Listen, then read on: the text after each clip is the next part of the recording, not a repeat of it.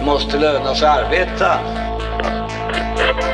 Det är väl den typ av inblandning vi kan ta ansvar för. I övrigt är det ju arbetsmarknadsparter som sätter löner i Sverige.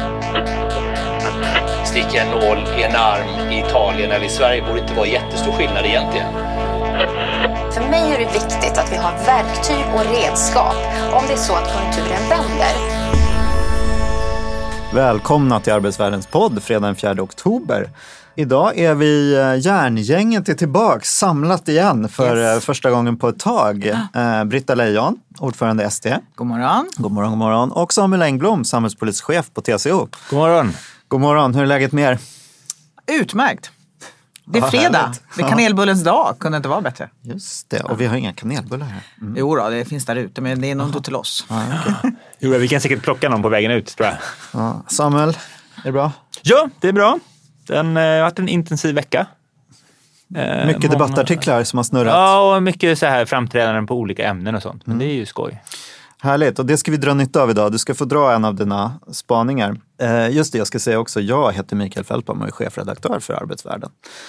Din spaning idag då, vi, jag börjar med att puffa för den, det är att vi inte alls alla kommer bli gigjobbare kan man väl säga. Den ska du få dra sen. Ja, den kommer. Ja, och sen så, vårt själva ämnet idag är, vi ska prata om våra tre eh, nya ministrar. Eh, TCOs eh, före detta ordförande Eva Nordmark har ju blivit arbetsmarknadsminister när Ylva Johansson försvann till Bryssel. Och eh, Annika Strandhäll lämnade ju som socialförsäkringsminister och eh, då klev Ardalan Shekarabi in. Han lämnar civilministerjobbet och blir ny socialförsäkringsminister. Och för att ersätta honom då i den här flyttkarusellen eh, som civilminister så tar Lena Micko över. En socialdemokratisk eh, politiker som har varit med i verkställande utskottet ett, ett tag och också varit ordförande på SKL. Vilket ju känns tryggt när hennes uppdrag då enligt Stefan Löfven ska bli att eh, ha i uppdrag att garantera god och säker välfärd i hela landet. Avsluta ska vi förstås göra med vår satir En jobbig värld. Hörrni, ska vi börja med arbetsmarknadsminister? Nu har vi ju Eva Nordmark som är alltså gammal TCO-ordförande. Gammal och gammal, det var inte så länge sedan hon försvann dit. Eh, Och igår så såg jag också att hon fick Roger Mörtvik, före detta samhällspolitisk chef på TCO, Jajamän. som statssekreterare. Och heta frågor just nu är förstås LAS-utredningen för henne och arbetsmar- Förmedlingen. Arbetsförmedlingens eh, om, omstöpning. Och en Ehm. tredje fråga tänker jag också är viktig. Mm. Kommer att vara väldigt viktig. Den här frågan som har att göra med just eh, EU och eh, förslaget från den nya kommissionen om att lagstifta om minimilöner i EU. Där Just kommer ju. Eva Nordmark också ha en viktig roll. Och det var ju uppe nu i ut, utfrågningen av han Nicolas Schmidt också, Mm. nya arbetsmarknadskommissionären. Ja, men det är väl Hörrni, de tre frågorna ja. som är viktigast eh, för den här arbetsmarknadsministern. Sen har ju olika arbetsmarknadsministrar under olika, under olika decennier haft lite olika uppgifter. När vi har haft stor arbetslöshet så har ju liksom väldigt mycket fokus handlat om att se till att det finns eh, liksom, ar- olika arbetsmarknadspolitiska insatser och arbetsmarknadsutbildningar för att se till att eh, göra situationen bättre. Man kan säga så här, Mm. nästan alla, eh, arbetsmarknadsministerposten är ju en ministerpost som har funnits länge i regeringen och som nästan alltid finns i regeringar. Mm. Eh, Göran Persson gjorde ett experiment att inte ha en sån. Han skulle ha sitt superdepartement, näringsdepartementet var det väl, det fanns inget arbetsmarknadsdepartement och då var det lite annat upplägg Nej, då. men det var en som hade ansvar Ja, det, för var en som, det fanns en arbetsmarknadsminister men det fanns inget arbetsmarknadsdepartement. Men, men annars är det ju en av, av de eh, posterna som alltid finns i regeringar. Eh, ibland har man fler eh, statsråd på arbetsmarknadsdepartementet. Men det jag tänker när jag, när jag eh, ser det uppdrag som, som då Eva Nordmark står inför så är det ju dels då de här eh, januariavtalspunkterna eh, 18, 19 och 20. Eh, jag Ylva Johansson brukade väl uttrycka det som att, att mycket av det som man så betalade från Socialdemokraterna för att få liksom, sit- sitta kvar i regeringen, man betalade i januariavtalet, det kom på arbetsmarknadsområdet. Eh, och det tror jag det blir väldigt viktigt att klara den här balansen för alla de där punkterna har ju liksom det finns en del saker som ska balanseras där och då är det ju viktigt att det inte bara blir det som, som till exempel om man kollar på LAS-punkten, att man faktiskt läser hela punkt 20. Det handlar inte bara om eh, då, utökade undantag i turordningsreglerna, eh, billigare uppsägningar, utan även om det här att säkra eh, att arbetsgivarens ansvar för kompetensutvecklingen stärks. Då. Eh, och att, att man liksom Att man inte de lämnar utrymme för godtycklighet och sen Ja, när man Så den, det tror jag. Mm. blir en stor... Men, men kommer det, alltså det finns ju en massa offensiva förslag från Centern och Liberalerna. Vi ska bort med värnskatten och så vidare. Och sen så har man då hoppats att så här, men vi ska inte öka klyftorna och vi ska ha en skattereform och så vidare. Det som händer är ju att de här offensiva förslagen får genomslag. Och sen så går det lite sisådär med det där försvaret då av status quo. Eh, kom, hur, hur ska det där lösas i, den här, eh, i arbetsmarknadsfrågorna? Ja, det är en väldigt bra fråga. Det beror väl lite grann på vilka ambitioner man har också, tänker jag. Man kan göra det liksom... eh, Jag tror att Eva Nordmark som ändå har i sin roll som TS-ordförande haft ganska mycket med både Svenskt Näringsliv med, och med eh, både Centern och Liberalerna att göra, och Moderaterna också för den delen, men, eh, och Kristdemokraterna. Hon har ändå en förutsättning tack vare sin stora kunskap om området och tack vare sina eh, sen flera år relativt goda upparbetade relationer till, till flera av de här väldigt viktiga aktörerna. Eh, så, menar, hon har ju också liksom, en upparbetad relation till, till LO och, och SACO. Och så där. så att jag, hon har ändå, om någon ska klara den här svåra eh, ekvationen så har väl hon de bästa förutsättningarna att göra det också i kraft av sin personlighet. Men, men det är klart att det är det är ett minfält och vi har ju också eh, Vänsterpartiets eh, utsaga om att de ska fälla regeringen om man ändrar i LAS. Här. Så att det finns ju hur många sätt att gå fel som helst. Eh, och vi från, från både TCO så eh, antar att LO och Saco också kommer att bevaka det här som hökar. Vi gör ju det. Eh, Samuel är en av våra eh, Eh, viktigaste liksom, personer i det här jobbet när vi försöker följa vad som händer och försöker påverka utredningen och sådär. Och sen de här diskussionerna som finns både på den privata och kommunala sidan om att försöka hitta egna lösningar så att man slipper det som utredningen sen kommer att komma fram till. Det är ju också eh, ett arbete som pågår och åtminstone en del av de diskussionerna får man ju lite hoppfulla signaler från. Dock inte från alla. Men eh, så att. Inte från ditt. Vi, Inte vi från hade mitt en område. artikel igår om Nej, att det är eh, helt... kom- ursäkta mig, kära arbetsgivarverk, men det händer väldigt lite på vårt område. Mm. Det, vi har gjort våra framstötar, men eh, eh, jag skulle vilja säga att Arbetsgivarverket som vanligt är sist på bollen i sådana här sammanhang. nu har Arbetsgivarverket en ny generaldirektör, det kanske kan bli ändring, men De hävdar i vår artikel att ni inte har gjort några formella vi liksom, har inte gjort någon formell förhandlingsframställan. Mm. Och det finns förklaringar till det. Eh, De har ju varit, både de och en del av våra kära medparter har kanske inte heller varit så intresserade av att göra någonting. Samuel, Ja, nej, men jag tror, hur, hur ska man fixa den här försvars... eh, Hur ska man spela Nej, men jag, tror, jag tror precis som Britta säger att det här handlar ju om att, att faktiskt påminna de parter man har i det här januariavtalet om alla delar av avtalet. Då. Eh, och att liksom hitta de här olika balanspunkterna. Sen kan jag säga det här med att stärka arbetsgivarens ansvar för kompetensutvecklingen. Det är ju någonting som även Centerpartiet har lyft som någonting positivt i diskussionerna. Så det är viktigt. Sen tror jag att utmaningen för den här arbetsmarknadsministern det blir ju dels den st- eh, som Eh, Eh, ja, vi har ju januariavtalspunkterna, vi har ju Arbetsförmedlingen. Det är alltså en stor, viktig central myndighet som ska stöpas om på väldigt kort tid och utifrån en överenskommelse som delvis är motsägelsefull och, som, eh, och där det finns liksom eh, stora funderingar på om det som står där överhuvudtaget kan genomföras. Så att det är klart att det blir en, en, den, liksom, tror den stora utmaningen. Det är, det väldigt, det är, liksom, ett väldigt, det är en väldigt komplex Eh, materia. Eh, sen tror jag att, att det blir viktigt också att klara av att göra saker utanför januariavtalet. Eh, arbetsmiljöområdet ligger inte där till exempel. Däremot så är ju det väldigt viktigt för, för andra delar. Det, vi pratade om välfärdens finansiering till exempel.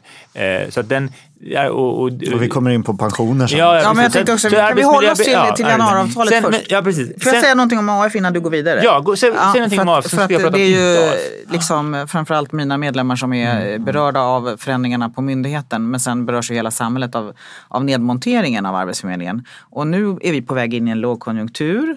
Vi har har tagit emot ganska många invandrare som har låg utbildning och där vi skulle behöva en välfungerande, effektiv, resursstark arbetsmarknadspolitik med en bra försedd myndighet. Det har vi inte nu tack vare det som händer. Tack vare kombinationen av det som står i januariavtalet, MKD-budgeten, den nuvarande ledningen på Arbetsförmedlingen, deras eh, naiva övertro på att människor som är inskrivna på Arbetsförmedlingen och som behöver hjälp där kan klara av sina behov med hjälp av digitala verktyg. Det kan de inte. 80 procent av dem kan inte det och man lägger om all verksamhet till att det ska gå via digitala medier. Det är eh, sorgligt. Eh, så att min förhoppning och det jag har redan, eh, jag har redan tillsammans med vår avdelningsordförande i Arbetsförmedlingen träffat Eva Nordmark i sin nya roll och framfört att vi förväntar oss framöver att regeringen sätter till mer resurser till arbetsmarknadspolitiska insatser för det kommer behövas för att mm. möta den analkande lågkonjunkturen och för att ta hand om och rusta de individer som står långt från, från jobben. Och, får, man, får man ta ja. ett litet sidospår där då? Det kom ju de här budgetmotionerna igår från eh, mm. Moderaterna och Sverigedemokraterna där man mm. satsar mer på kommunerna mm. men mindre på eh, arbetsmarknadsåtgärder. Mm. Och sen så Magdalena Andersson svarar då att liksom, ja, ja, ni kan, det, det där jämnar ut sig liksom i slutändan. Ni satsar inte alls mer på kommunerna utan i och med att ni tar från arbetsmarknadspolitiken så hamnar mer på kommunerna. Ja, är det, det, den utvecklingen vi ser oavsett liksom, att kommunerna får ta över mer och mer av arbetsmarknadspolitiken? Ja, om nu den här katastrofen eh, blir så stor som vi befarar, alltså att det inte blir några mer resurser till arbetsmarknadspolitiken, att det inte blir någon ny generaldirektör som, som stoppar åtminstone en del av nedläggningen av kontoren och som har en annan linje framöver om hur man ska jobba i arbetsmarknadspolitiken och i AF om man fortsätter på det, det katastrofscenario som vi nu ser, då blir det kommunerna som sitter med skägget i brevlådan. Absolut. Jag tycker att det är så korkat att tro att kommunerna ska kunna lösa de utmaningar vi står inför på arbetsmarknaden. De kan lösa mycket. De kan ta hand om mycket, de kan göra jättemycket. Jag har sett jag har ju åkt runt till kommunerna här i början på sommaren, en del av glesbygdskommunerna och sett otroligt imponerande insatser inom arbetsmarknadspolitiken lokalt. Jättebra grejer de gör tillsammans med det lokala näringslivet och utbildningsanordnare för att se till att att både folk har jobb, rätt utbildning så att man kan liksom bidra till det lokala näringsliv som finns. Så mycket bra grejer som görs som de inte längre kan göra därför att de inte får resurser från AF. Eh, men för men... många av de här kan jag säga, bygger ju på att Arbetsförmedlingen går in med vissa saker. Arbetsförmedlingen kan samverka, Arbetsförmedlingen kan fatta beslut om anställningsstöd. Absolut, och alla de här privata aktörerna som också hjälper till bygger ju också sin ekonomi på att det finns arbetsmarknadspolitiska resurser. Så de går ju också konkurs. Men ja, med det sagt att det är mycket bra som görs på kommunal nivå så måste vi komma ihåg att man kan inte lösa allt på kommunal nivå. Och särskilt alla dessa mindre kommuner som redan idag har helt eh, katastrofal ekonomi. Hur ska de kunna greja att eh, rusta sina medborgare med de mångåriga insatser som behövs för att de ska kunna komma till jobb? Hur ska man kunna se till att eh, vi ska kunna ha en, ett näringsliv som får tag på den kompetens vi behöver i hela vårt land? Alltså det, det säger sig självt. De, det går inte att lösa allt på kommunal nivå. Så att eh, framöver så hoppas ju jag att vi har mer resurser till arbetsmarknadspolitiken från, från den regering som sitter nu. Eh, och det har vi sagt till Eva Nordmark. Sen vill vi ha en, snabbt en ny ledning som inte har samma naiva övertro på digitaliseringens eh, lös, som lösning här. Och eh, vi vill se att man, åtminstone i några av de kontor som ännu inte är nedlagda, alltså att man hejdar en del av den här vansinniga kontorsnedläggningen som dessutom inte sparar in några pengar förrän om flera år. Mm. Det kan man säga var så bra på kommunerna. Kommunerna har egentligen inget formellt uppdrag när det gäller arbetsmarknadspolitiken. Nej. Arbetsmarknadspolitiken är ett statligt ansvar. Ja. Och det som kan hända då det är ju att när kommunernas ekonomi blir allt mer ansträngd så är det ju, har ju de uppgifter som de ska utföra.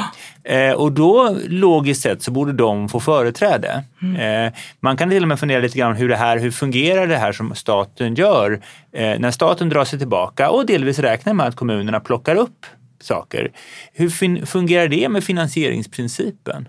Ja, staten ålägger ju inte Vad är det för någonting? Så? Finansieringsprincipen är att staten kan inte ålägga kommunerna saker utan att skicka med pengar. Mm. Är, för kommunerna är det en extremt viktig princip. Mm. Så det finns sådana här aspekter av detta också. Att, att, och jag tänker det är det här att arbets, alltså, liksom, man kan se, man brukar prata om smältande isar, men det känns ibland nu som att den, den statliga arbetsmarknadspolitiken i den klassiska bemärkelsen som ju är då Arbetsförmedlingen framförallt, den är liksom håller Ja, på en nationellt sammanhållen, Ja. aktiv Ja, arbetsmarknadspolitik. och den, den smälter liksom ihop. Va? Den, och, den, och det är på olika håll. Därför dels är det det här att de som står väldigt långt från arbetsmarknaden får problem på grund av många av de här liksom inriktningar som, som, som eh, Britta beskriver. Dels då med att man går över till de här digitala lösningarna och att man, man minskar kontorsnätet sättet. Eh, samtidigt så är det ju då att, att eftersom då man får mindre resurser så kan vi tänka att de som står lite närmare arbetsmarknaden, de eh, där drar man sig också tillbaka. Så att det, Arbetsförmedlingen jobbar med en mindre och mindre grupp. Och det här tror jag att, och det här är ju då en kombination av januariavtal, av prioriteringar internt på myndigheten och av budget.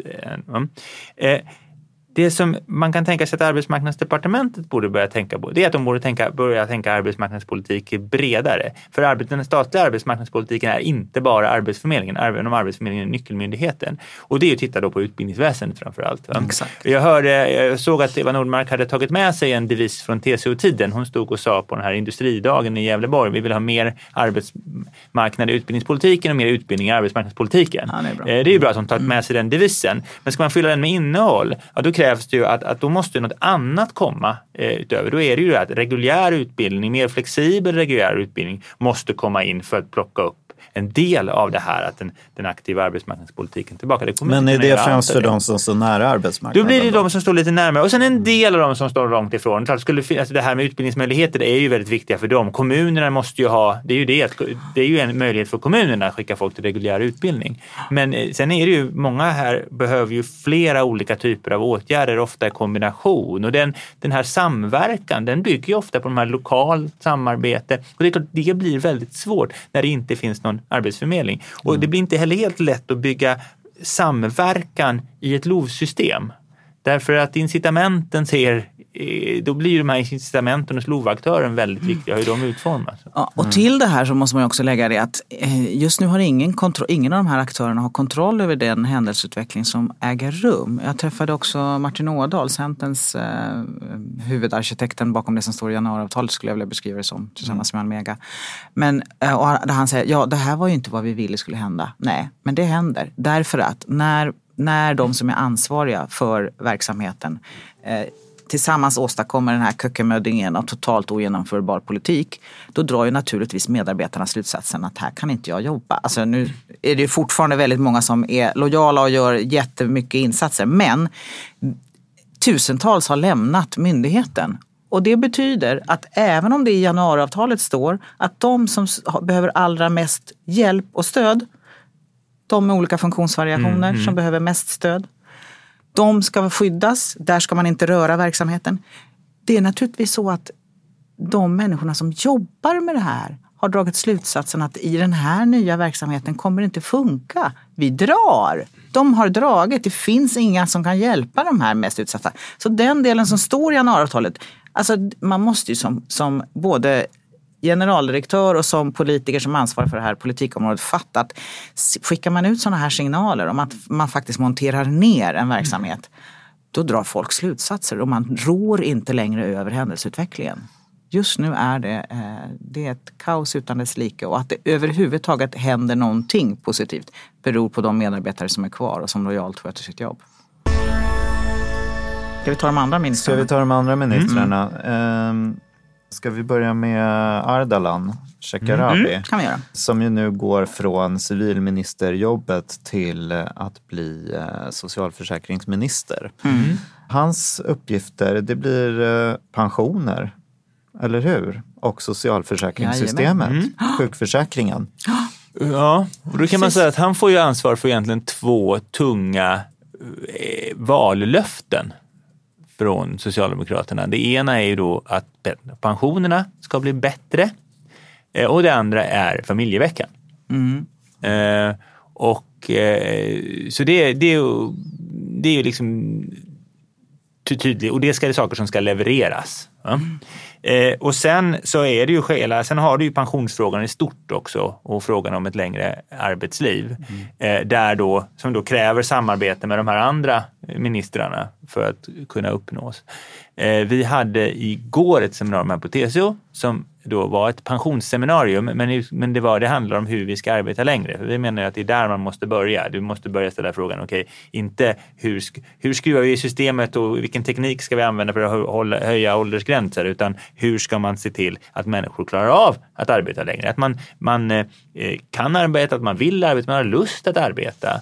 Eh, då, hur har vi en, ska vi se till att arbetsmiljön blir sådan? Hur ser vi till att det finns de möjligheterna till kompetensutveckling? Så det är liksom en förhoppning med en ny socialförsäkringsminister är att, liksom att man kan sätta det först eh, snarare än liksom systemperspektivet på, på eh, pensionssystemet. Fast systemperspektivet är också viktigt. Får jag bara säga, jag hoppas Mm. verkligen att Ardalan Shekarabi i sin nya roll fortsätter den förra socialförsäkringsministern Annika Strandhälls viktiga arbete med att städa upp i systemet. Och då menar jag se till att vi har ett system där skojarna eh, kastas ut, det har de gjort, men också att de inte kan komma tillbaka. Alltså den städningen, att den får fortsätta. Det ko- jag är helt övertygad om att de kommer fortsätta fokus på. Ur Men och- pensionsförvaltning. pension, ja, det allmänna pensionssystemet, ja, precis. Eh, Den här nya myndigheten som ska på plats så att regelverket ser till att hålla dem ute.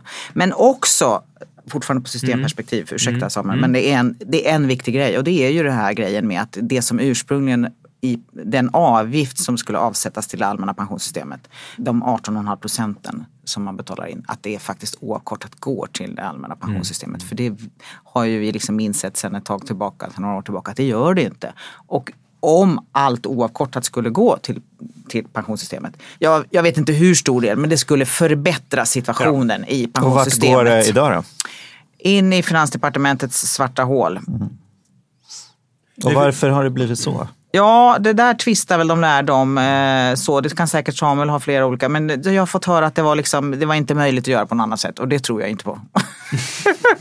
Det brukar ju sällan vara en, en bra Ja, förklaring. jag stöttar alltid, eh, som en gammal eh, tjänsteman i regeringsdepartementet så stöttar jag alltid deras eh, svåra uppgift att försöka lösa politikens alla eh, konflikterande prioriteringar. Men, men i det här fallet måste jag säga att jag, eh, har man sagt att 18,5 procent ska gå till pensionssystemet ska det också göra det Så oavsett ni nöjer er där egentligen? För LO har ju varit inne på att vi måste höja Nej, jag nöjer mig inte där. Men jag tycker man eh, åtminstone ska börja där. systemet. För det, Mm. allt annat är inte okej. Sen måste vi, ja, men det här Ja, är att avsättningarna är inte ens de som man sa att de skulle vara. Exakt, det är ju det som är problemet. Det är 17,62 eller Ja. något sånt där idag istället för de här 18,5. Och det skulle faktiskt hjälpa till. Och det är helt vansinnigt. Så det hoppas jag i första hand ser till att fixa. Nej, men för det, jag tänker apropå det här med behoven av att jobba längre. Då, är det så här, ja, då, då säger vi å andra sidan att ja, vi måste jobba längre för att ja, klara för, då försörjningskvoten, för att finansiera välfärden och för att eh, pensionssystemet ska vara hållbart. Va? Men sen vad som händer för individen är ju dels att man i systemet är ju byggt så att du, du tjänar ganska mycket på att jobba ett år extra. Men också därför att systemet då har blivit så pass dåligt så hamnar människor i en situation där de behöver liksom jobba längre för att få en, en, en, liksom, eh, en pension som, som ger en rimlig standard efter det. Och det handlar ju om, om den här underfinansieringen, liksom, snålheten i systemet. Bra. Men, men, men får jag bara, innan, Ja. sjukvård, exakt precis innan vi gick till sista ministern. Alltså jag måste ju säga att eh, jag menar, även Försäkringskassan har ju massor med, jag menar, ma- majoriteten av de som jobbar där är ju mina medlemmar också. Och det är bara att konstatera att inte för- heller Försäkringskassan har riktigt rätt resurser. De, det har vi pratat om någon gång förut, att de har fullt sjå med att se till att rätt personer får rätt bidrag i rätt tid. Andra uppgifter som också åligger dem, som samverkan med andra aktörer till exempel, har de inte riktigt resurser och på folk till att göra. Va? Så att rätt resurser till FK vill jag se. Tydliga uppdrag till Försäkringskassan också.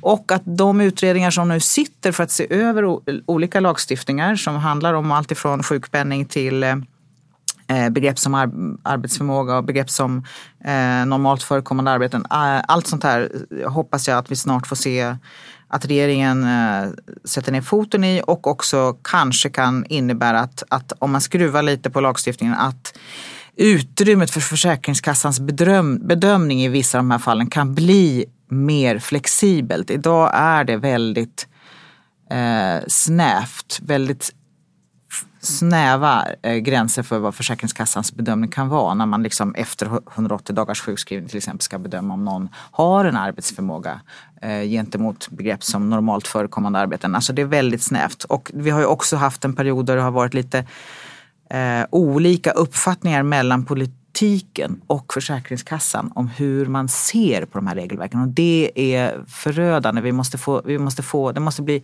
uppdragen och lagstiftningen måste bli tydligare och man måste vara överens om vad som gäller. Och det, så att vi slipper se alla de här historierna om folk som är väldigt sjuka och som inte får sjukpenning eller så, inte får rätt behandling. Mm.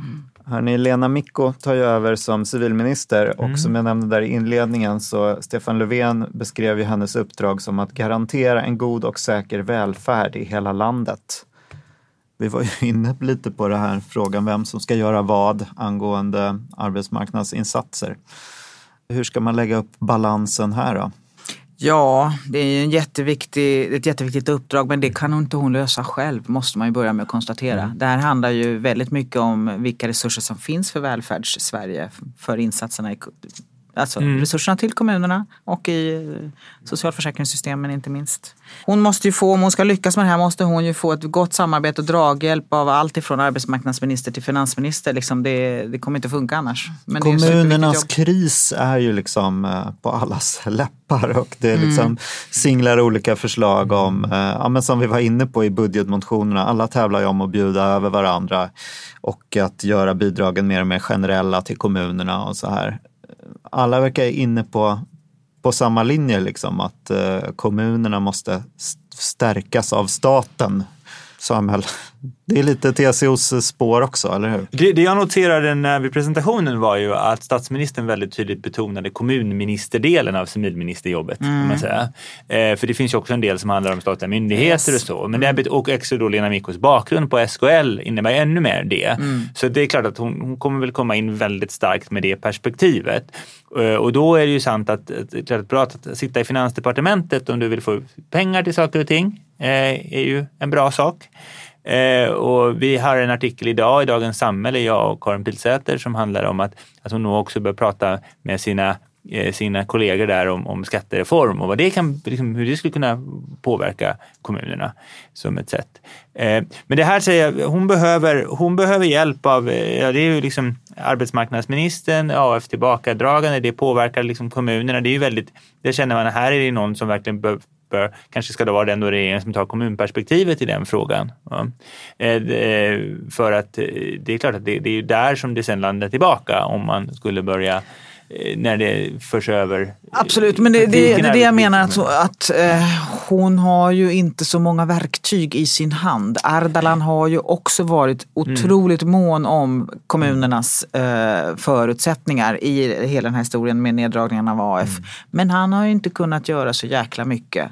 Eh, och det kommer inte hon heller om hon inte får eh, mm. verktyg eller förutsättningar genom eh, eldunderstöd från Finansdepartementet och Arbetsmarknadsdepartementet. Men en sak är väl de här bidragen från staten till kommuner. Ett annat sätt Exakt. som ni är inne på i artikeln är ju att fundera på vilka uppgifter som staten ska sköta och kommunerna ska sköta. Borde staten ta över mer av kommunernas uppgifter för att Liksom, ja, just nu håller ju precis motsatta kostnader. på att hända i och med att eh, arbetsmarknadspolitiken ja, läggs ner och kommunerna...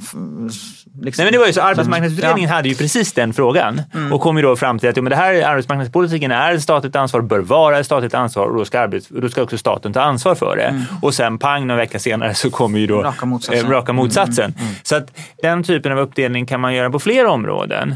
Och, och i ett läge där man känner som att staten är den finansiellt mer stabila parten Eh, jämfört med kommunerna. Så vore det logiska skulle ju vara att pilen går i den riktningen. Men ja. vi ser ju inte att pilen går i den riktningen. Vilka Nej. områden lämpar sig för övertagande från statens sida?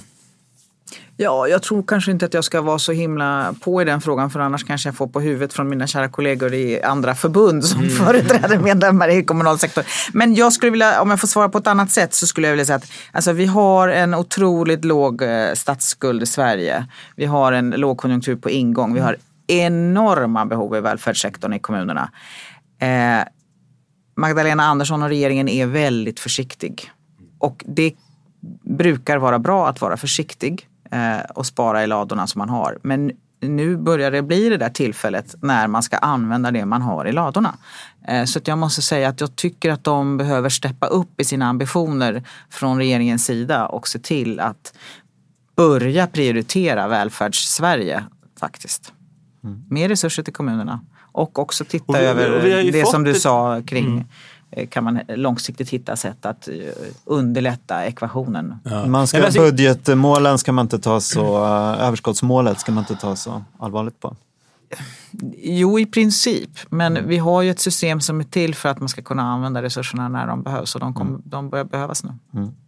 Nej, I teorin är det ju väldigt enkelt det här med ja, tydliga uppdelningar med vad som är Eh, statens uppgift och vad som är kommunernas uppgift. Eh, eh, finansiering av det som är kommunernas uppgift.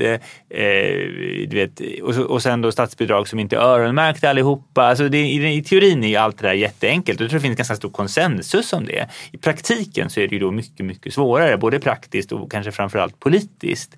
Det är, jag vet att jag lyssnade på Elisabeth Svantesson när hon var och pratade på SNS här i vintras när de kom med en rapport just som handlar om kommunernas ekonomi. Eh, och då sa hon, ja, som, liksom, som ekonom och på något sätt när hon rör sig på den högre politiska höjden så ska vi givetvis inte ha massa riktade statsbidrag som, som, som styr olika delar av kommunernas verksamhet. Men klart, när du sitter där så är det väldigt frestande att ge öronmärkta pengar till det och till det och till det och till det. Men det där börjar också bli ett problem för kommunerna för det där kräver ju ofta att, att kommunerna ska, ska göra vissa saker eh, då för att få de där pengarna. Så det går in och styr verksamheten på ett sätt som kanske inte är optimalt på den lokala nivån.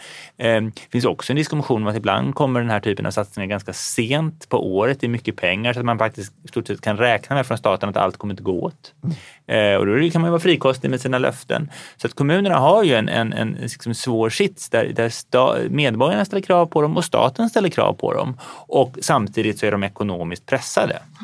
Den demografiska kurvan ser ju inte heller ut så himla enkelt för många av kommunerna. Nej. Med allt mer ökande äldre befolkning som också Mm. ställer krav och ganska många barn och där Mm. mellanskiktet, de yrkesverksamma, minskar.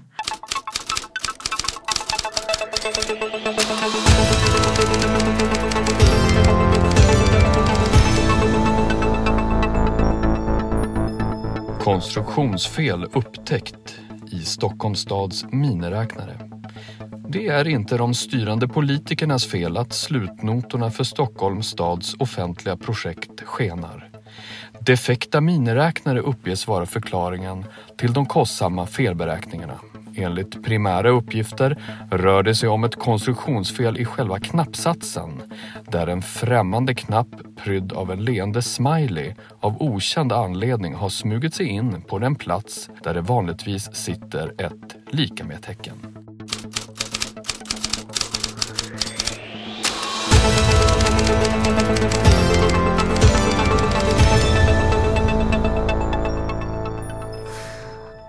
Ja, vad Vad säger ni? skönt, vad bra. Då kan vi... Stockholms stad har haft problem att hålla budget i ganska många projekt på sistone. Jag misstänker att den där miniräknaren också är den som landstinget använder. Okej, Den felaktiga alltså. mm, du vill klaga lite på dem också. Ja. Stockholms landsting. Mhm. Var det något särskilt du tänkte på? Eh, Det finns något stort sjukhus där bland annat. Ja, ja. Mm. Samuel. Ja, nej, men det är en del av den här diskussionen är ju också det här att man, att man ska man ta fram sina egna lösningar och att det kan bli väldigt dyrt. Och det, är- det är en avvägning. Ska man, ska man anpassa, eh, försöka skräddarsy eller ska man ta något från hyllan och sånt? Och, det, och, och så, så när det här inte fungerar, då blir ju folk jättearga eh, och det har kostat mycket pengar. Lex skolplattformen. Ja, Mm. till exempel. Eh, Jag, tyckte väl lite, jag tänkte också på det om de här miniräknarna kanske var specialbeställda också. Då, från, eh, man vill ha egna, egna miniräknare kanske. Kostar lite mer. Samuel, du har varit ute och pratat om att vi inte alls alla kommer bli gigarbetare. Det är Alltså, överskattat. Precis, jag var i Lund häromveckan på eh, Lunds universitets tankesmedja LU Futura som är en del av Pufendorf-institutet som, där tanken är just att forskare från olika delar av, av universitetet ska träffas och liksom jobba ihop och kunna tänka ut nya saker. Och det är ju en väldigt bra sak för det är svårt på ett universitet, kanske särskilt ett stort universitet, att träffas liksom över ämnesgränserna. Och Okej, del- Nu får vi tagga LU Futura här. Ja, det jag vi får göra. Eh, och, och vi säger det är också något som vi på TCO arbetar aktivt med själva på egna sätt och hitta sätt att till exempel få arbetsmarknadsforskare från olika discipliner, de yngre, att träffas för att vi tror att det blir, de förstår mer av det. Men de har bjudit in mig och tre andra för att under tre timmar eh, tala om eh, digitaliseringen och arbetsmarknaden. Eh, så det var också Mikael Tolin som är professor här i Stockholm, Per Runesson som är då professor i själva liksom digitalisering i Lund och sen Susanne eh, Ackum. Eh, då. Eh, men eh, det, jag, jag satte den något provokativa rubriken på mitt föredrag som var Förändras verkligen arbetsmarknaden? Och pratade om det här att det, liksom, det, det, det narrativet är väldigt starkt. Att, att om, googlar man på att arbetsmarknaden förändras allt snabbare så får man ganska många träffar, alltså den typen utav Eh, eh, liksom det, det, och det är klart att det är väldigt attraktivt för en politiker eller en intresseorganisation som TCO att liksom säga att kolla här, nu händer det här jättesnabbt och därför måste vi göra det här. Ja.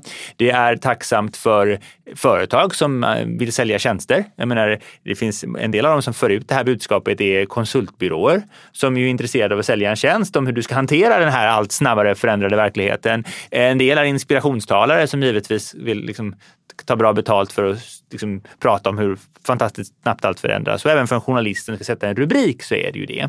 Eh, men då när man börjar titta på datan, vad säger den egentligen? Och då en sak som det har sagts väldigt länge, så länge jag har hållit på med arbetsmarknadsfrågor, vilket nu ändå är 20 år drygt, eh, eh, så, och jag har haft på mycket med just de här typiska anställningsformer och egenföretag. De har sagt att ja, men det kommer öka. I framtiden kommer i praktiken in, ingen att ha en tillsvidareanställning, om ens en anställning. Den typen av rubriker kan du se. Det som man kan säga att om man tittar på Sverige då, att efter 90 Eh, efter 90-talskrisen eh, så har det egentligen inte hänt någonting vad gäller andelen visstidsanställda och andelen egenföretagare. Eh, utan de är lika stora. Och det var inte så att de gick upp jättemycket under 90-talskrisen heller. Utan de där de ligger ganska konstant. Liksom. Och skillnaden mellan män, och kvinnor är ungefär densamma som det har varit hela tiden. Det vill säga kvinnor är visstidsanställda i större utsträckning och egenföretagare i mindre utsträckning än vad, än vad män är. Så det där ser likadant ut. Sen kan vi ha ju då att vi har sett en, kan se att visstidsanställningarna typiskt sett blivit kortare. Den förändringen kan vi se, men inte de här totala. Och då uppstår ju frågan, men vad är det då med den här tillsvidareanställningen på heltid hos en arbetsgivare som fortfarande är den dominerande formen på arbetsmarknaden. Vad är det som gör den så attraktiv? Alltså det finns massor av litteratur om varför den här förändringen sker, som då inte alltid sker. Eh, men det finns väldigt lite om varför eh, eh, skrivet om, om, om det här som är beständigt. Och samma dag som jag skulle ta- prata där så hade Ekot en nyhet som handlade om AstraZeneca som då hade sagt att gått över, de hade alltså tagit, anställt de tidigare bemanningsanställda. Därför, och då sa de, motiverade de det med att ja, men vi behöver den här kontinuiteten i anställningen. Den blir liksom viktig. Va? Det finns ju också en diskussion i vården till exempel mot det här med alltså stafettläkare och att man tar in mycket bemanningsföretag. Att, att själva kvaliteten blir lidande av att, man, man, att, att, den här, att, det blir, att, det byts folk hela tiden. Och så, här. så det finns uppenbarligen någonting som är väldigt attraktivt för, för individen men också för arbetsgivarna eh, kring i den här tillsvidareanställningen på, på, på heltid. Ehm, och det jag sa där nere det var att jag, jag hoppas att nästa gång jag förhoppningsvis finns med och bedömer for, eh, forskningsansökningar som jag fick göra för Forte här i våras och som var jätteroligt, så hoppas jag att det kommer finnas några i vart fall som handlar om eh, varför vissa saker inte förändras. För forskarna dras ju också med i det här. Men du skickar in din ansökan, här är det här nya, det ska vi titta på. Va? Men ibland så någon, då måste någon vända sig och titta, okej, okay, men det som inte förändras, varför gör det inte det? Vad är det det som, som vad är det som gör det beständigt? Va? Och nu dessutom eh, så såg jag att eh, en av OECDs ekonomer var inne på samma spår. Stin Brocke, han, han skrev en artikel här eh, häromdagen i, i, i en amerikansk tidning som just handlade om det här att, att den, det, ja,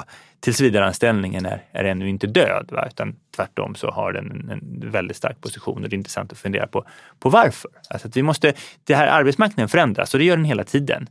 Eh, eh, och vi behöver egentligen inte, för att motivera våra förslag om hur vi ska kunna se till att vi har bra omställningssystem och för, för, för, hantera förändring, så behöver vi nog kanske inte ta i så mycket från tårna att vi drar till med att oj, allting går jättesnabbt och sådär. Utan den förändring som sker, den är tillräckligt stor för att vi måste ha system för att hantera den.